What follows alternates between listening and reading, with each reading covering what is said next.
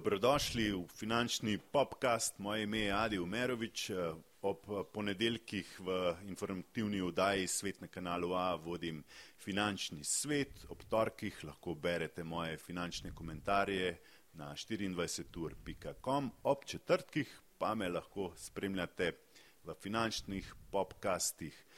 Moj današnji gost, ti popkasti so namenjeni seveda investiranju in moj današnji gost je upravljalec premoženja z Optim Traderja, Simon Skubin, lepo zdrav. Živeli. Um, ti si mlad, zelo si uh, na vse konce se spoznaš, mednarodne odnose, surovine so tudi tvoj področje, vsem tem bomo danes debatirala. Najprej pa mogoče začneva z aktualnimi trendi na, na uh, borzi, mogoče z dogajanjem na finančnih trgih. Če pogledava v ZDA, recimo v začetku tedna Tesla v enem dnevu kar deset odstotni skok. Novice so torej prišle, da uh, prihaja neka podjetje, neki superračunalniki, da bo to vplivalo na avtonomno vožnjo. Je to pravzaprav nek en tak news, ki je, ki je potem, v, mislim, da v ponedeljek dvignil delnico za 10 odstotkov. Mislim, to je, gre nekako s tem, kar se je s Teslo dogajalo že v preteklosti. Mm -hmm. pač, uh, Elon Musk se spet izkazuje kot izjemen promotor. Pač, lih, uh, ko kaže na to, da zna biti težava s ceno delnice, se pač najde neka nova, neka nova ideja, ki sploh niti ni še realizirana, nek, neka, nek velik projekt, ki bo nekje v prihodnosti in to potem podprto še s to analizo tega analitika strani Morgan Stanleya, če se Tako, ne motim. Morgan Stanley je, delnica je zdaj pri vrednosti 267 dolarjev in oni so napovedali, da bi bila delnica lahko 500 vredna. Ne? Mislim, da so 400, ampak da ne bi bil ta projekt vreden 500 milijard. Ampak to so zdaj neke nore, to so zdaj neke take kar visoke cifre in bomo videli, zdaj vedno bolj, ko prihaja, da moraš, da ta dojo, ta To podjetje, ki, ki ne bi. Ne, ne, v bistvu to je pač ta, so, mislim, da je super računalnik, ki ne bi vodil to avtonomno vožnjo, uh, ne bi bil zdaj ta nek game changer za Teslo in to seveda v trenutnem borznem trgu, kjer so te novice zelo dobro sprejete, vse, kar je povezano z nekim AI-om, mm -hmm. uh, je seveda dvignilo Tesla. Je pa zdaj vprašanje, koliko časa, če je to vzdržno in to se bo pokazalo zdaj v naslednjih dnevih, ali je to mogoče bil samo ta velik news, ta pump, kot se reče, mm -hmm. in bo zdaj prišlo do kakšne korekcije nazaj na zdol. Ja. Ok, ko že govorimo o teh pumpih, ne, o teh uh, newsih, Nvidia zagotovo je ena izmed delnic, ki jo spremljamo od začetka leta, mislim, da je bila na vrednosti 150, prišla je do 500 dolarjev, uh, zdaj pa vidimo po teh zadnjem poročilu o, o earningsih, ne, da je začela padati. In to pravzaprav je mogoče zdaj ta pravi trenutek, vemo, da ima da zelo precenjena ne, delnica in uh, vsi nekako pričakujejo, da bi jo začeli uh, šortati, ne, se pravi staviti na njen padec. Je, mene v bistvu skrbili to, da bojo zdaj spet začeli vsi šortati. To so zdaj lepo govorimo, recimo Tesla in Nvidia, to so ne dve take pump delnice, če lahko rečemo. Uh, super podjetja, da ne bo zdaj, da ne bo zdaj slučajno napake v dojemanju, da to Ja, niso ja. super podjetja, ampak za moje pojme malo prevrednotene. In zdaj pri Nvidi je podobna zgodba. Zdaj spet rezultati so bili odlični, ampak vprašanje je, če ni, ni vse dobro že vključeno. Vrednotenje je noro, vsaj za moje pojme noro, pač to so taki vrednot, vrednotenja, ki so pač neverjetna. Je pa res, da tudi rast v zadnjih dveh kvartalih je pač to nekako, da mu reč, podpirala, pod Ja. narekovaj. Ampak zdaj prihajajo ven ene take novice, malo čudne, tudi za Nvidijo se prijavi neka inštitucija, ki je v bistvu, oni so dali napoved o nekih prodajnih rezultatih in so to napoved premagali, mislim, za, za dve milijarde, nekaj tasga. In v bistvu cel ta presežek je v bistvu ustvarilo nakup enega podjetja, ki je kupil te grafične kartice na zalogo mm. in to podjetje ne bi bilo potem v zaledju tudi povezano tako z BlackRockom, ki je zdaj ali iz ETF-ov, kot neko inštitucijo, ki je bila povezana že 2008, mislim, da v tiste uh, hipotekarna posojila. Uh, in konc koncev tudi samim podjetjem Nvidia. Ne. Tako tukaj zdaj je dosti teh spraševanj, če ni mogoče prihaja do nekih uh, v bistvu corneringa, kot se reče, ne. se pravi, mm -hmm. da podjetje samo v bistvu odkupuje te grafične kartice, daje na stran in s tem umetno povečuje ceno delnice. Tako to bo nekaj, kar bo zanimivo videti v nadaljevanju. Ne. Zdaj, eh, je pa res, da ima zelo visok to razmerje med ceno delnice in razme, uh, razmerje med uh, dobičkom. Ne. Uh, PI, ne, tako ne. se na hitro reče. Uh, zdaj v, v naši vdaji, če ste nas spremljali v ponedeljek, smo pravzaprav analizirali delnico Apple in pokazali, uh, da ima ta PI, to razmerje med ceno delnice in dobičkom, mislim, da okoli 30 ne, mhm. in da je že rahlo visoka cena. Ne. Zdaj, konkretno pri NVIDI je ta številka, mislim, da čez 100.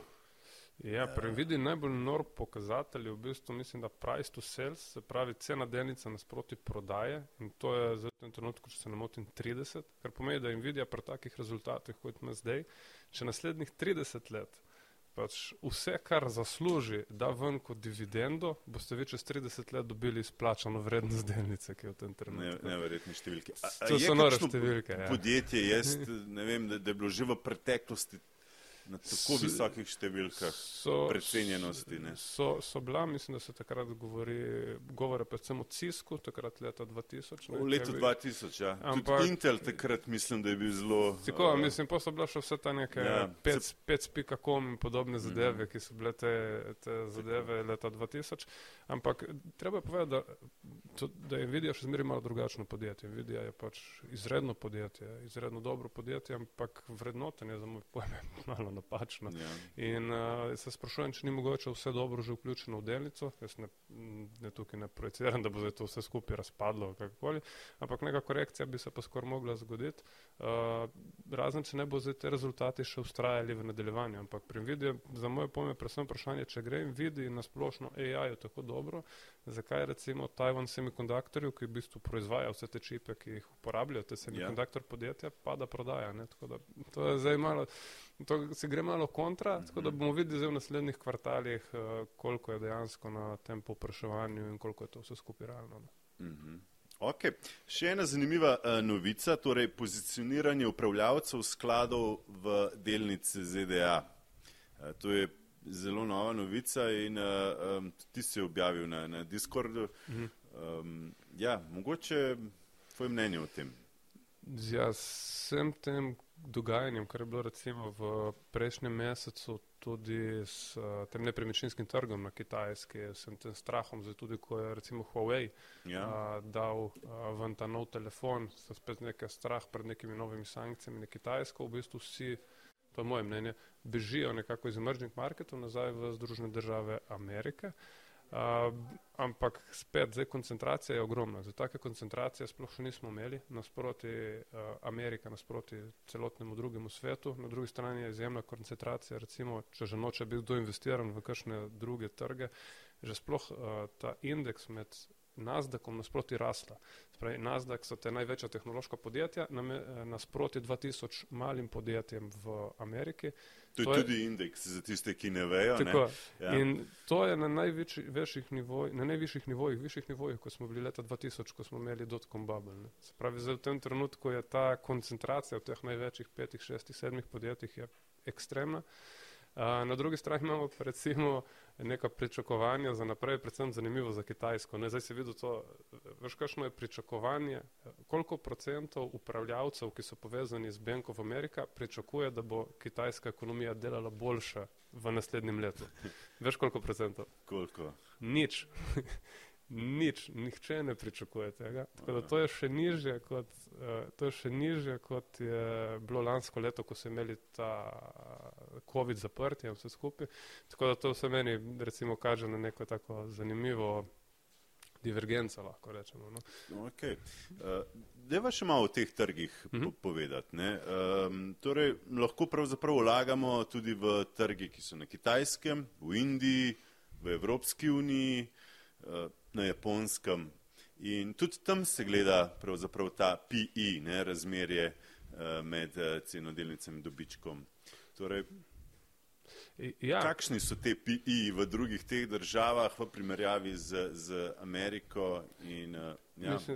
Da moraš skozi PI pri analizi posameznih podjetij, ne moreš gledati vedno samo ta price turning, ki je preveč enostaven. Ampak če gledaš recimo GDP posameznih indeksov, ne, pa recimo posameznih držav, je pa to, dajmo reči, kar en dober pokazatelj, kaj je drago, kaj ni drago. Zato, ki moramo poštevati, če koliko kaj raste, koliko kaj ne raste, ampak dejstvo je, da če gledamo recimo svetovno razporeditev in kaj naj bi bilo povrednotenih drago, kaj poceni, imamo recimo Združene države Amerike in Indijo, ki so pač visoko, Uh, zelo visoko, da reč, predvsem Indija, mislim, da vsi tisti skladi, uh, veliki skladi, ki so vezani na trge v razvoju, so zaradi straha pred Kitajsko pobegli v Indijo. In zdaj imamo ful veliko koncentracijo vseh tistih, ki so na razvitih trgih, so nekako koncentrirani v Združene države Amerike, vsi tisti, ki so usmerjeni nekako na trge v razvoju, so, so se nekako pozicionirali noter v Indijo.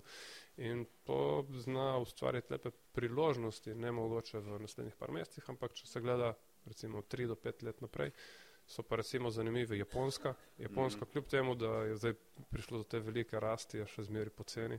Evropa je konc koncev poceni, ampak Evropa ima zdaj te energetske težave in predvsem zdaj prihaja ta zima, zna biti tudi malo neugodno. In na drugi strani pa res pač skoraj da smešno poceni Kitajska. Ne. Tako, zdaj to so te, problem samo pri Kitajski recimo v tem trenutku je, da so te skrbi glede potencijalne vizije na Tajvan in uh, nepremičninskega ja. sektorja. Vse. Ampak, ko pogledaj, ko je pričakovanje vseh upravljavcev, da je možnost za napredek nič, pa se sprašaš, kam, kam lahko, to, kam lahko mm -hmm. to mhm. sploh še pade. Ne. Tako da to, to so recimo neke te pregledi, kaj je zanimivo, kaj ni zanimivo.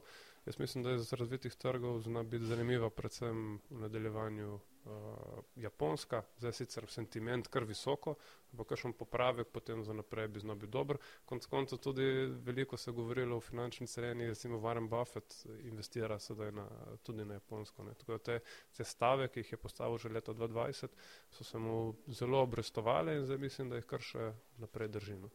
Ej, Kitajska, ne, tudi svojo to politiko omejevanja iPhona za uh, državne uslužbence, slišali smo o tem, sem tudi v, v vdaji v ponedeljek govoril. Um, ni, ni prvič, ne, recimo, bila je že takrat debata na mesto Facebooka, mislim, da je WeChat, uh, prepovedati kripto, pa nek svoj kripto razvijati. Um, torej, nekako izpostavljati svoje produkte tam, ki so njihovi, ne, ne, ne uh, vzeti te zahodne produkte ne, in jih potem uh, lancirati med ljudi, ampak razvijati svoje oziroma kopirati, razvijati svoje in to potem preferirati na trgu. Ne. Um, tudi z električnimi avtomobili, z vsemu. Ne. In tle, tle se mi zdi, da je neko omejevanje tega trga um, vpliva potem na seveda zahodne delnice. Kot smo videli pri Apple, včeraj so uh, najavili ta nov telefon, uh, delnica je padla za mhm. dva odstotka. Mm. Zdaj, če se odzvaknemo do, dotično Apple, mislim, kar sem spremljal te odzive, je bolj bil problem, ker se je Apple bolj kot svojim telefonom ukvarjal z ogličnim otisom svojega ja. telefona. Tako zdaj, mogoče za celo delnico nima to take, take, takega razloga. Uh, Uh, kar se tiče pa nasplošno teh kitajskih praks, to je neka zgodba, ki že traja. Zdaj, prav do prepovedi, mislim, da je prišlo samo pri Facebooku, pa to predvsem zaradi širjenja informacij, kar pomeni komunistična partija, takrat mislim, da je predvsem hotela to zamejiti. No, kar, tudi na mest Google mislim, da Baidu uporabljajo. Tako je, je tako, to, ja. ampak to so vse te zadeve, kar se tiče informacije. Zdaj, kar se tiče drugih zadev, Apple ni prepovedan, špekulira se o tem, zdaj gre, gre bolj za to, da se ne bi uporabljal v vladnih, uh, vladnih Med uslužbenci, ja. Zaenkrat, ne, lahko je pa nek korak. Ampak, ampak enaka stvar gre tudi v drugih državah Amerike, ko so prepovedali TikTok, ne. Tako da tukaj ni zdaj, da je samo to neka kitajska praksa, zato gre za to trgovinsko vojno in tudi vojno informacij med Združenimi državami in, mm -hmm. in Kitajsko. Tako, tako in da, eni in drugi to počnejo. Tako je, ne? tako no. da, da se zdaj se to vse skupaj usmerja samo na Kitajsk, samo s tem, kako Kitajci to blokirajo. Na drugi strani mislim, da tudi američani zadnje čase kar malo da ne paničarijo, na kar se tiče, uh, kar se tiče kitajskih proizvodov in lahko rečemo, da je to kar dokaj upravičeno. Ne? Predvsem, uh, kar se tiče, vidimo zdaj recimo na trgu električnih avtomobilov, na trgu telefonov, zdaj recimo s Huawei, ki je prišel nov. To zna biti zelo zanimivo, še posebej glede na to, da je govor o tem, da te čipi, ki so notor proizvedeni, sploh niso uporabljali recimo te tehnologije strani ASML-ja. To je eno mhm. podjetje, ki je v bistvu dobilo prepoved izvoza na Kitajsko. No. Tako, če so Kitajci naredili ta preskok in temu mislim, da se je govorilo že lansko leto, pa zdaj dejansko do tega prišlo, potem zna biti to kar uh, zaostritev tudi v tej čip vojni. vojni no, mm -hmm. Ok, Simon, peva na surovine. E, vidimo, da cena nafte, o tem smo tudi v ponedeljku daj e, govorili, torej od junija nekje izrasla za dobrih 30 odstotkov, zdaj torej Brent nafta pri 90 dolarjih. E, še više nekateri pravijo, da bo šla do 100 dolarjev. Vzrok tega je za tiste, ki še ne veste, tudi načrtno omejevanje za milijon tristo sočkov na dan uh, in to nekako vpliva na to ceno, počasno rast. In zdaj se spet izpostavlja, kaj se zgodi, če pridemo spet na neke visoke cene nafte, kot v času visoke inflacije, zdaj vemo, obrestne mere so že prisotne. In če bi se inflacija ponovno začela dvigovati, kaj potem še dodatno zdaj višati te obrestne mere, ki so že zdaj predvsej visoke in uh, to je lahko zelo je. nevarna igra. To je, to je zelo nevarna igra, kar se tiče zdaj prav eh, specifično cena nafte. Uh, bomo videli, kam, do kam to lahko gre. Moje mnenje recimo za ceno nafte je, tako kot je bilo, ko smo padli pod 70, tukaj govorim za ameriško nafto v TI, ne tukaj za Brent, uh, da bodo tukaj prišla neka intervencija. In je dejansko prišla, podobno se mi zdi, da zna priti tudi zdaj, nek ta momentalni spike zna iti res konkretno na zgor tudi čez to, ampak potem pa mislim, da bo tudi eh, Saudska Arabija malo umilila vse skupaj, zaradi tega, ker pritisk na inflacijo zna biti kar velik. Tukaj bomo videli predvsem danes, mislim, da pride podatek v Združenih državah Amerike uh mhm. -huh. in napovedi že, da je v bistvu inflacija poskočila na zgor. Zdaj bomo videli, ali bo to dejansko res, ampak s tako ceno nafte in še posledično še to zraste, zna biti to problem. Na drugi strani imamo pričakovanja, da bo FED, recimo predvsem FED, začel umiliti oziroma da bo ustavil rast obrestnih mer in tukaj zna priti spet do tega, uh, tega cikla, ko, ko so obrestne mere že zelo visoko, je težko jih bo še kam, težko jih bo še visil, mm -hmm. inflacija pa poskoči in to ja. zdaj zna biti zelo eksplozivna uh, mešanica, predvsem za delniške trge, če ja. o tem govorimo in konc koncu tudi za normalno življenje. Ne tako da bomo videli. Moje mnenje je še zmeri tako, da predvsem, če gledamo recimo pozicioniranje, uh, dva meseca nazaj v juniju je bilo pozicioniranje izredno nizko na nafti, se pravi vsi te menedžeri, ne, tako kot smo pregovorili o kitajs, kitajskem, ne, ko so bili vsi, vsi so mhm. dejansko bereš, vsi so negativni, mhm. vsi so bili negativni na nafto v juniju in zdaj so vsi, zdaj imamo spet najvišje pozicioniranje na nafto uh, v zadnjem letu. Spravi, iz tega so bili najbolj beriš, so šli najbolj buliš in podobna stvar. Tako da jaz mislim, da zdaj prihajamo v neko periodo, ko bi znalo priti do neke umiritve. Mm -hmm. uh, mogoče sam to pojasnilo, za beriš pa buliš. Mogoče je. tisti, ki ne vejo, um, to čist preprosto bereš, pomeni, takrat so verjeli, da bojo šle cene dol, pri Buliš so pa verjeli, da bojo šle Tako. cene gor. Te medvedi biki se izpostavljajo vedno. Tako, medvedi biki. Medvedi biki. se vprošam.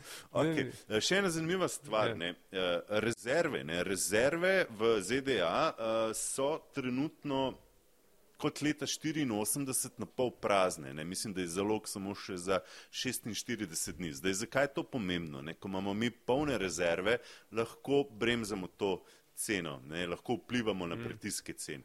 Eh, če nam uh, teh rezerv primankuje, pa verjetno teže ne? in ta cena lažje prebije -hmm. strop. Nije, zdaj treba samo eno zadevo reči. Zdaj, američani so dejansko znižali ta svoj SPR, ne, se pravi, SPR, to so te ja. zvezdne rezerve, oni so dejansko skoraj za 50% to znižali. Je pa treba povedati, da je, recimo, ko se primerja te zadeve s letami 80, 90, 2000, treba vedeti, da je trenutna proizvodnja nafte v Združenih državah Amerike višja, kot je bila takrat. Ne. Zdaj, mhm. ta tehnologija skrilavcev je naredila pač kar konkreten boom od leta 2013-2014 naprej. Tako zdaj teorija je nekako tako, da druge države niti ne potrebujejo več toliko rezerv, ker je pač črpanje nafte više. Ne. Zdaj, mm -hmm. še zmeri pa imaš problem pri tem, da ko enkrat to sprazniš, ne moraš več manipulirati na tak način cene nafte, kot je to dela recimo vlada Bidna. In bomo videli, zdaj se celo nekaj govori o tem, da bo spet začeli sproščati, ampak to spet ima neko ceno, ne? to lahko delaš do neke točke, potem pa yeah. Ja. moraš to začeti nazaj polniti. In zanimivo je bilo, da so govorili o tem, da bo, bo nafta padla pod 70, začeli to polniti. pa dejansko niso. Tako, tako, ne. Obstaja pa država, ki pa je to dela in to je Kitajska, ki pa so, mislim, da prav do konca napolnili svoje rezerve, tako da kar se tiče tega spajka, na- se pravi tega skoka na nafti, Mhm. uh, veliko govora predvsem o tem, da bodo Kitajci v primeru res velikih skokov začeli uh, prazniti svoje rezerve in umirjati se skupaj, ker konc koncu, če bo dejansko prišlo do kakšnega stimulusa tudi strani Mhm. Kitajske, da, da malo bolj, ak, uh, malo bolj resnega odprtja, uh, tudi njim ne ustreza, da je cena nafte na 90 oziroma čez to. Ne. Ja. Z zakaj recimo ne? To ne, ne ustreza nikomor, da je cena nafte na 140, recimo, kot smo imeli v času. Mislim, tako nekako nekaj, čez palco cena je vedno, da vsak st- strošek vsakega proizvoda je nekako 30% nafta. Ne. Tako da zdaj, kar, kamorkoli, kakorkoli pogledaš, če, če cena skoči navzgor, uh, se bo to poznalo na vseh življenjskih potrebščinah in konc koncu to tudi vpliva na ekonomsko aktivnost. In zdaj, moje mnenje je tako, da tudi tem proizvajalcem nafte ne ustreza, da, da to skoči preveč, zaradi tega, ker to zaustavi ekonomsko aktivnost do take meje, da potem pridemo v kakšno krizo, ali pa dva, uh, spodbudi kakšne, uh, druge, re, kakšne druge države, ki so imele določeno, uh, določene rezerve nafte, da začne delati na tem, da bojo počrpali. Ne. Kar pomeni, nek, nek, uh, neko črpališče je lahko neprofitabilno, kadar je nafta na 80, je pa profitabilno, kadar je na 100. Ne. Tako da jaz mislim, da bo OPEC tukaj nekako poskušal, predvsem Saudska Arabija poskušala tukaj nekako balansirati, ker tudi njim ne verjamem, da je v interesu, da bo zdaj kar probali eh, tukaj sesut vse skupaj. Je pa treba povedati ena stvar, da pri Saudski Arabiji se je ena špekulacija za zadnjem času, predvsem to, da ne bi Saudo Aramco, ki je njihova, Mhm. njihova državna naftna družba, uh, poskuša v bistvu napihniti cene zaradi tega, ker bojo prodajali določen delež Saudi, Saudi Aramka na trgu. Ne. Mhm. Tako da oni očitno poskušajo dvigniti ta sentiment, zato da potem vse skupaj prodajo. ne. Tako Za to- dražjo ceno. ne. Mhm. Tako, tako. To, ampak kot rečeno, to je zdaj neka špekulacija, o kateri se govori in uh, prihaja naprej. No. Ja. No, zdaj, zanimiva uh, novica je bila tudi to, da na Polskem, uh, kjer imajo šestodstopno uh, inflacijo, so se kar sami odločili, da bojo nižali obrestno mero. To je seveda v luči prihajajočih volitev tudi. Um, mogoče en komentar tudi na to. Ne. On- Vseeno je Poljska je del EU-ja, ne, sicer uh, niso vezani na evro, ne, imajo svojo centralno banko, ampak uh, ja, to početje lahko predvidevam nevarno, ne, se, se vrne kot bumerang lahko. Ne. Mislim, to bomo zdaj videli, odvisno. Zdaj, jaz mislim, da Poljska ne bo edina v, v, v temu, da v luči volitev malo manipulira svojo brestno mero. Veliko govora tudi o tem, da recimo FED, če pogledamo za, za nazaj, prihajamo v volilno leto za, za Ameriko, ne se pravi, naslednje Mhm. leto so volitve Mhm. in ponovadi se FED ni umeševal noter v to uh, zadnje volilno leto s kakšnimi ekstremnimi višanji obrestnih mer. Mhm. Tako da mislim, da zna priti ne samo recimo na Polskem, zna celo v nekih takih državah, kot so Združene države Amerike, da se bo ta politika dvigovanja obrestnih mer uh, začela, eh, postalo bo vedno težje, no, dajmo tako reči, za, za določene centralne banke, da bi to koroni zdaj dvigali v nedogled, zaradi tega, ker bo pritisk iz političnega dela, da se to zameji. No. Mhm. Tako da to, mislim, da to, kar se dogaja na Polskem, se zna zgoditi kar še naprej. No. Ja, Zdaj, ko se tako pogovarjava, ne, v, v Ja. glavi vse čas si vrtim misli, ne, kaj bomo živeli s petodstotno inflacijo ne, in se bomo navadili Mislim, saj- na, na, na te razmere, ok, pač se vse skupaj drži, in, ne, ampak dolgoročno tudi to seveda ni vzdržno. Ne.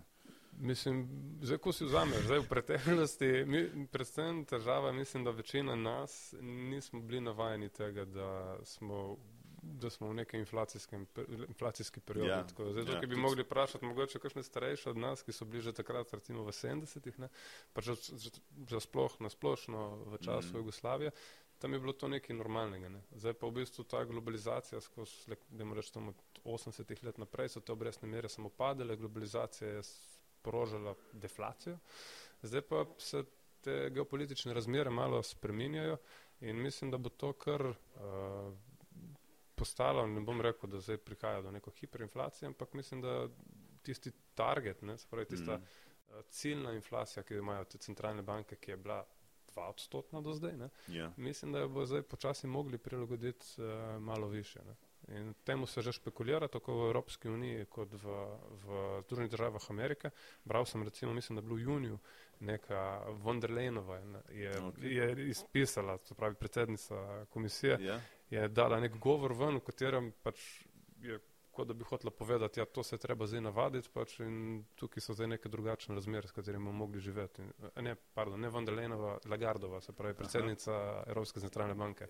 Ja. Da, jaz, jaz mislim, da to, to ne, ne bo šlo kar tako hitro nazaj, da bomo pa zdaj šli v to deflacijo. Zdaj recimo 2018-2019 se je govorilo tehnologija bo vse pobrala, zdaj gremo v samo deflacijo, to sploh ne more iti več gor. Uh, tudi monetarna politika je bila temu naštimana, mm -hmm. se pravi, kar ničelno obrestne mere. Uh, jaz mislim, da ne bo šlo tako hitro nazaj na, na te razmere, kot so bile od 20 do 20. Okay. Simon, uh, tudi ti si eden izmed teh svetovalcev, strokovnjakov, s katerim bomo skupaj oblikovali naš uh, svetov portfelj. Veliko je vprašanj, kdaj boste pravzaprav že izvedli nakup za teh 10 tisoč evrov virtualnega denarja. Še enkrat izpostavljam, namen je, da vam pokažemo, na kakšen način oblikujemo portfelj, kaj bomo vključili, zakaj. In, uh, Ja, moje vprašanje je surovine. Uh -huh. Je to pametno vključiti tudi v naš svetov portfelj? Mislim, jaz te moram povedati, pa če jaz večinoma investiram v, v surovinske trge, a, tako da če me boš vprašal tako vprašanje, bom vedno rekel ja. koliko odstotno, koliko odstotno ponavadi je pametno, ne vem, jaz. Mislim, govori bolj se, v delnicah, tako da, ja. Govori se tam recimo od med 10 in 20 odstotkov, da mora biti vsaj nek delež portfelja, zato ki ni vedno vezano samo na surovine, industrijske surovine, energetske, predvsem se dokaj dosti govori o zlatu. Mm -hmm. Spravi, zlato je dosti krat zelo dober, uh, ustvari neko diversifikacijo, ki drugače ne moreš uh, dobiti. In zdaj večina govori recimo o zlatu, da ja, pa se dela zadnjih deset let slabo. Ja, okej. Poglejte 2002-2010, kako je delalo takrat. No, vsi, vsi jemljemo tisti, ta recency bias, se reče to angliščino, mm -hmm. se pravi, v bistvu neko, uh, glede na zadnje rezultate prilagodiš razmišljanje, ampak če malo razširiš sliko, pa vidiš, da če vzameš nek dolgoročen portfelj, ti neka desetprocentna alokacija na zlato zelo dobro diversificira tveganje. Spravi, ne pokvariti toliko donosa, je pa ta volatilnost portfelja veliko manjša. In zdaj nasplošno tudi potem za sorovine. Zdaj pri sorovinah uh -huh. je mhm. treba vedeti, da je treba zadeti cikl. Ne? Zdaj, sorovinski cikl je nekje med 10 do 15 let, pravi 10 do 15 let greš gor, potem 10 do 15 let padeš. Zdaj to varjera, ni zdaj vedno tako, ampak dajmo reči o neki teoriji. Uh, in ti moraš zadeti tisti cikl, ko gre na vzgor, ker če ga zgrešiš, potem lahko delaš res 10 let ali pa par let konkretne minuse. Uh, Ampak glede na to, da smo imeli tam od 2012 pa tam recimo do 2021 kar konkretne probleme, da se nič ni dajalo v, v nove investicije oziroma zelo malo, uh, mislim, da bi predvsem to desetletje znalo biti zanimivo tudi za surovine. Ne bo šlo pa to ja. konkretno na vzgor, Tud, Sam, samo na vzgor. Podjetja, direktno govorimo o velikih korporacijah, uh, so prisotna recimo v Afriki, ne, želijo rudniki dobiti direktno uh, mm. za svojo proizvodnjo. Mm. Torej, gre za neko strateško uh, ravnanje s surovinami, ne, ker očitno jih bo primankovalo oziroma se bo njihova cena začela dvigovati, kar potem seveda vpliva na proizvodnjo. Ja, jaz, mislim, jaz mislim, da se bo to spremenilo. Zdaj, Kitajska se tega zaveda že dosti časa, zdaj zahodni svet se bo to začel zavedati. Mm -hmm. Zanimivo je bilo, mislim, da je Evropska komisija delala študijo zelenega prehoda. Uh, samo da, pravi, da povem, kako točno razmišlj, so razmišljali zahodni birokrati, če lahko temu tako rečemo, ja. so dali študijo za, uh, zelenega prehoda, kjer so domnevali, niso uh, rabimo toliko in toliko surovin in niso upoštevali tega mogoče ne bo. Oni so kar predpostavljali, da to bo, to bo po taki ceni in to je to, mi gremo naprej. Kar je pač, mislim, da jih bo srečala realnost. Eh, in to vidimo že recimo tudi po kakšnih eh, avtomobilskih konglomeratih, ne, konc koncu Tesla, ki poskušala kupiti določene leti podjetja. Zdaj mm. tudi mislim, da je Mercedes v CEO ali Volkswagen v CEO govoril o tem, da želijo iti direktno v nabavo surovin, se pravi direktno do vera. Mm -hmm. In uh, to mislim, da, da tega bo vedno več in zdaj tudi v luči tega boja med uh, Združenimi državami Amerike in Kitajsko. Kitajska je teh surovin že kar konkretno, predvsem po Afriki, zagotovila. In zdaj imamo recimo Saudski sklad, ne, ki govori, da bo diverzificiral svoje premoženje s tem, da bo investiral direktno v določene rudnike. Ne? V, po Afriki, zdaj govori se o Afriki, ampak to lahko potem zelo hitro razširiš na Južno Ameriko in še kam drugam. Mm -hmm. Kaj pa surovine, ki so morda moralno rahlo sporne, recimo premog, če pogledava. Ne? Premog je lahko dobra naložbena priložnost, glede na ceno, ki jo ima zdaj. Mhm. Mislim, Jaz tako bom rekel, da to moralno sporno. Jaz mislim, da bi moglo človeštvo postaviti spomenik premogu, zaradi tega, ker je, mislim, to je, verjamem, da me bo zdaj obesili na križ tukaj v Sloveniji, ampak mislim, da bi mogli. Ja, vem, kaj misliš, ne, pač smo. Omogočuje družbeno. Omogočuje razvoj tako. Eh, in gospodarski in, in Evropsko unijo v končni fazi združevanje. Ja. Točno to. In konc koncev še zmeri 30% proizvodnje elektrike na svetu pride iz premoga. Tako da jaz ne vem, če bi. 30% smo tam nekje. No. Uh, tako da jaz ne bi kar tako hitro odpisoval, sicer imamo neke napovedi tudi recimo v Sloveniji, kako bomo mi to do leta 2030 vrgli ven iz naše proizvodnje, ampak pol se pojavlja dejstvo, s čim boš to zamenjal. Mm -hmm. Zdaj, jaz mislim, da eh, to je recimo nek tak sektor, ki sektori, ki so meni vedno zanimivi, se pravi osovraženi, ampak še zmeri jih rabiš. In uh, tukaj mislim, da bo kar zanimive priložnosti, ker novih rudnikov oziroma izkupovanja premoga se zelo težko greš, ker so finančne inštitucije, predvsem v zahodnem svetu, naštimane na ta način, da ti ne dobiš posojila za to, da bi v bistvu mm. uh, začel neko novo, neko nov, nek nov izkop. Tako da jaz mislim, da zna biti to priložnost, predvsem zaradi tega, ker v naslednjih petih do desetih, jaz sicer osebno mislim, da še dosti dlje, ne vem, če se lahko znebimo uh, recimo odvisnosti na premog, edina možnost je po mojem s kakšno razširitvijo jedrske energije, ki je pa zdaj predvsem v zahodnem svetu ni, se sicer javno mnenje spremenja, ampak še zmeraj mislim, da je ta kar malo taka negativna konotacija. Tako da jaz pa mislim, da brez tega pa ne verjamem, da lahko mi kar to premo, kar odpišemo. Tako da to po mojem je zanimiva investicijska priložnost. Ne. Kaj pa uran, no, ko si že izpostavil mm. uh, jedrsko energijo, če dalje bolje to jasno, ne, da, da potrebujemo, se pravi, neko alternativo, ki je stabilna, ki je dokaj varna, žal uh, so bili pa seveda tudi primeri um, ne, katastrof. Mislim, na Uranu se zdaj dogajajo neke določene zadeve. Sem, zdaj, mislim, da je bila neka konf, Uran konferenca v Londonu, ja. kjer so govorili v, o tem, kakšno je zdaj stanje na trgu in govore predvsem o tem, da imamo deficit, kar pomeni, da se porabi več, kot se proizvede in da imajo določene največji proizvajalci težave. Eh, se pravi, da so prodali uran naprej, ampak ga niso še izkopali in imajo zdaj ta, temu se reče, mismeč, se pravi, ne, napačno razmerje med nakupom in prodajo, uh, oziroma pred, med izkopom in prodajo in tukaj, da bi znalo priti do uh, kakšnih malo bolj eksplozivnih skokov. To se zdaj že opaža, recimo delnice urana kar konkretno skače, so, so že kar visoko. In bomo videli, ali bo to za neka ponovitev tam iz, uh, bil ta uran bull market, se pravi ta bikovski trend na uranu, ki je bil tam med 2000-2010, če se ne motim, ko je pač prišlo res do ekstremnih skokov. Ne. Tako da so neki, neki napovedi so o temu in bomo videli. Jaz v svojem portfelju držim. Uh, nekaj izpostave tudi na uran, mislim, da zna biti zanimiv in konec koncev tudi cena je začela, po res dolge časa je začela, se pravi, tam nekje od leta 2020 naprej s tistimi zaprti, na, mm -hmm. s COVID zaprti, je začelo to skakati in jaz mislim, da nismo prišli še do konca. Mm -hmm. Predvidevam pa, če se zgodi pa nekaj Ne, eh, Seveda. Eh, nesreča, katastrofa, pa potem tudi zelo hitro pade dol. To je treba, to je treba vedeti, recimo tiste Fukushima, ko se je zgodila, ja, ne, mislim, da potem se skupaj dobesedno razpadlo. Uh, Bomo videli. Je pa treba reči, da mislim, da tudi pri Fukushimi, mislim, da potem niti ni prišlo do smrtnih žrtev za radiacije, ampak ja. mislim, da bi tisti val, ki je potem utopil. Tako da niti ni bilo zdaj toliko s tem, da je prišlo do take nesreče, kot je bilo v Černobilu. Ne? Absolutno, vse to hočem reči. Že manjše nesreče pravzaprav lahko vplivajo na, na ceno. Ne? Je pa zagotovo neka alternativa za prihodnost, ne? ker smo videli recimo obnovljivi viri energije ne dostavljajo tistega, kar smo seveda pričakovali spet. Ne. Mislim, obnovljivi veri delujejo v tem trenutku zaradi tega, ker so zelo konkretne subvencije noter dane. Vprašanje ja. pa, če to lahko predstavlja tisti, tisto bazo za, za energetsko neodvisnost, recimo posamezne državne. To je recimo moje mnenje, da mogoče bo kdo tukaj ja, dementiral, ampak jaz mislim, da znajo biti zelo zanimive investicijske priložnosti, tako na uranu kot recimo na premogu.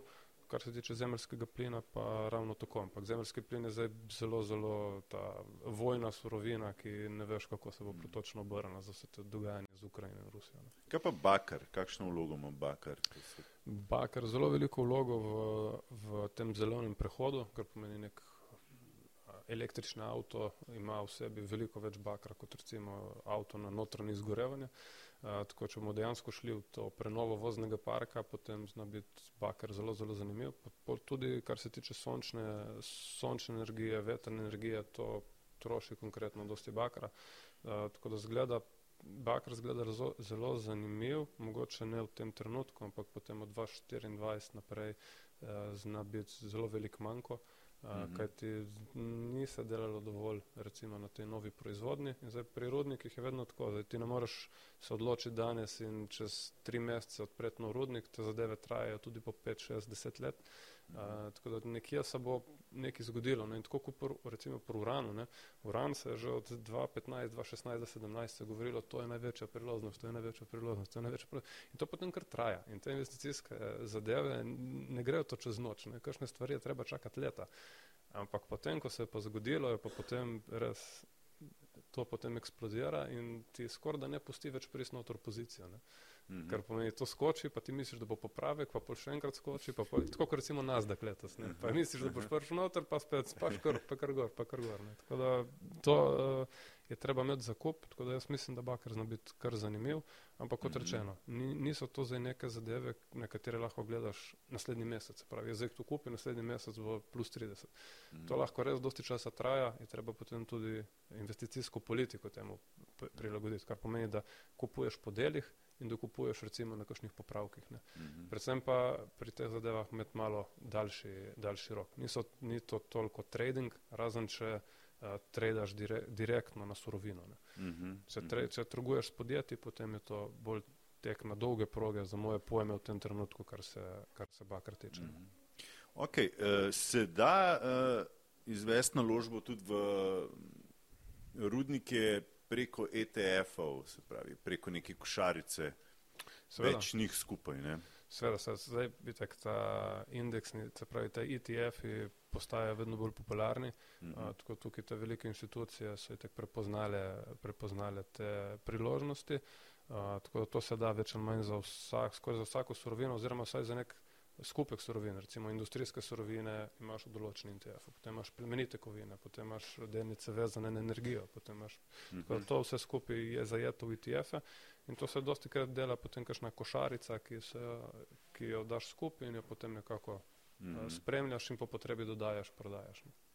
Ok. Uh, Mogoče, če izpostavijo tudi par a, primerov za teh naložbenih priložnosti. Ne? Dobro je imeti vedno cilj, kaj želiš s tem doseči, mm. do, do česa, pravzaprav to je neko osnovno vodilo. Mislim, vedno je treba začeti s ciljem. Zdaj, če greš kot brez glava kura in začneš nekaj kupovati, pač ne, ne verjet, mislim, lahko deluje, ne deluje dosti časa. No, tako, ja. uh, tako da vedno se je treba ustvariti uh, vsak, mislim, da finančni svetovalec, mislim, da ti priporoča, da si prvo poveš, kaj želiš, mm -hmm. se pravi, kaj bi ti hotel imeti po 50 letih. In glede na to, kaj ti hočeš, prilagodiš te naložbene celje tudi investicijam, ki jih delaš. Pravi, če hočeš imeti neko varno penzijo čez 30 let, boš ti trgoval z nekim indeksnim, z nekim global indeks skladom, ne? se pravi, globalni indeksni sklad in boš to samo počasi dokupoval če hočeš ti od tega živeti, potem boš mogel se tudi opeč, se pravi, mogel boš dejansko začeti, uh, mogel boš dejansko v neki probati, moraš se boš naučiti. Najlepše bi bilo, da se naučiš eh, na napakah drugih, ampak yeah. Ja. žal to ne deluje. Mislim, da vsak, ki je to probo na delniških trgih, je to spoznal. Uh, Da, no, ško... Vsaka šola nekaj šteje. Ne? Tako, je... ne, vsaka šola nekaj stane. nekaj stane, ja, to, je to, ja.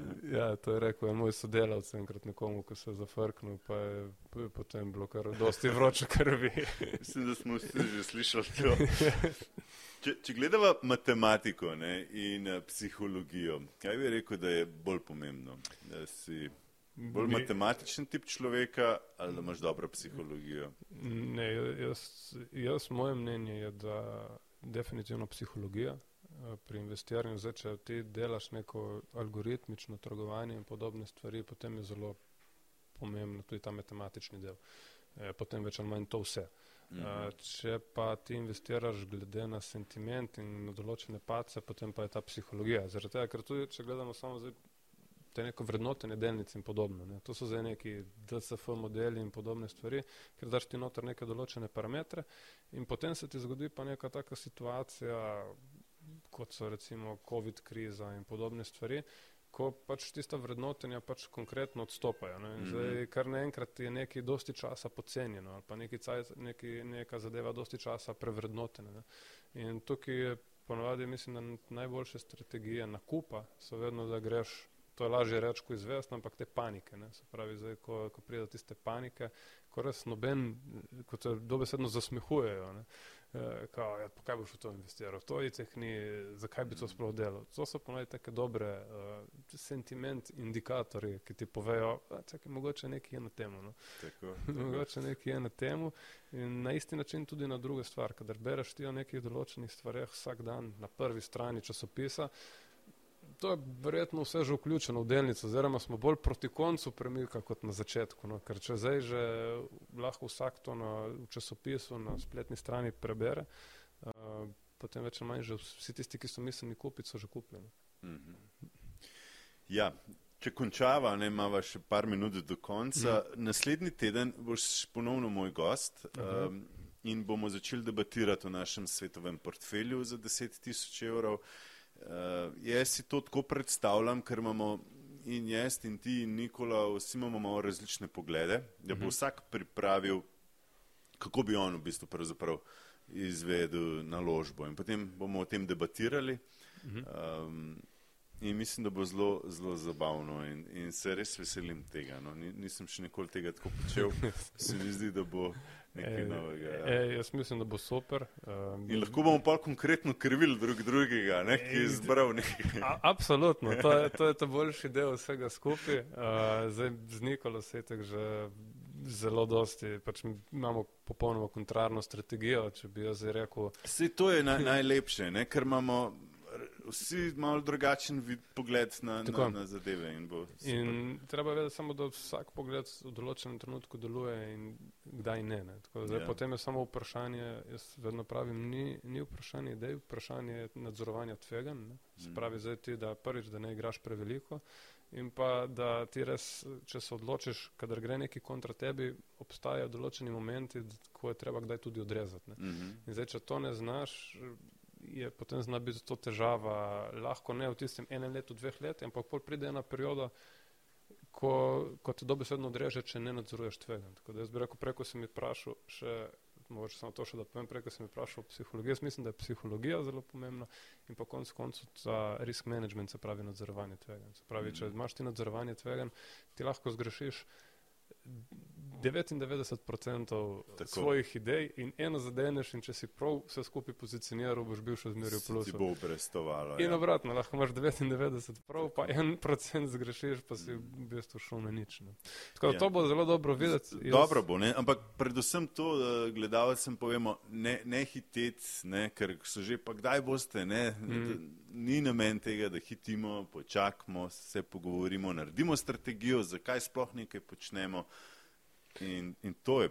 Mogoče ena, ena izkušnja še iz moje, zdaj sicer upravljam, ampak v preteklosti sem delal tudi v, bro, v brokeridžu in uh, komorkoli se je mudilo, je vedno naredil bulo, no, vse tako se ja, moje ja, izkušnje. Ja, ja. Tako da bolj, bolj, ko se ti mudi, bolj, ko se, bolj, ko skitiš, uh, ponovadi to ni dobro. No. Ved, vedno je, mislim, to delnice itek so zelo ciklične, tako da vedno pride še neka druga ideja, tako da ni nobene potrebe po tem, da se zdaj totalno zaletiš zaradi tega, ker si vse, vse zgubo. In je dosti boljše biti potrpežljiv in res, jaz, saj moja izkušnja je taka, komorkoli se je res, res hitelo. Ni, ni bilo dobro. No. Torej, ni, ja. ni bilo dobro. če, če začutite to, da se nekaj mudi, pustite na miru. Stran od ja. tega. Res, ja, ja. res. Ja. Ok, končajva s knjigo okay. knjiga, mogoče, ki, ki ti je ostala v spominu. Včeraj sem videl tvojo knjižnico, super knjige imaš. Izpostavila sva uh, The Price, mislim, da je. Ja. nekje napisano. Tle, the Price. Uh, aha, Trending in the Zone, Lords of Finance. Mogoče ti nam izpostavi kakšno eno, samo eno knjigo, kjer bi mogoče tako predlagal. Uh, Ja, no, zdaj, eno, zdaj, si me, zdaj si me zelo omejil. Ja. Ampak, se, Veliko bo še teh podcastov, da bom ja, še za ja. kakšno vprašal. Lahko povem za... tako, kar se tiče psihologije, Uh, bi definitivno mislim, da je Trading in the Zone ena uh mhm. -huh. knjiga, ki uči v bistvu psihologijo. Zdaj boš rekel uh, Psychology of Money, ne psihologija denarja. Tudi od Morgan Hausla. Mor ja, ja, ja, zelo dobro. To, to v bistvu so dve taki knjigi. Mogoče ta psihologija denarja je v bistvu namenjena vsem, ne samo, ni treba, da ti trguješ na borzi. Exactly, ja. to, je pač, to, to je to. Super knjiga, jaz sem bil super navdušen nad, nad to knjigo. Zdaj, za tiste, ki hočejo mogoče malo bolj aktivno trgovati, je ta trading in zone, ki ti mogoče pokaže neke miselne procese, ki jih moraš osvojiti, zato da lahko uspešno trguješ. Uh, zdaj, kar se tiče pa knjig, ki so mi, vsaj meni, bile najbolj všeč, uh, jaz še zmeraj sem najbolj navdušen, jaz še zmeraj vržem, da jaz dosti investiram v, suro, v surovinske trge In bi rekel, ena knjiga, ki mislim, da bi jo mogli tudi v srednji šoli, recimo pri zgodovini učiti, je The Price, uh, se pravi cena od Daniela Jergina. Mislim, da je celo na YouTubu nek, neka, neka zbirka posnetkov, imaš nekih deset ur uh, vsega skupaj, ker knjiga je kar debela.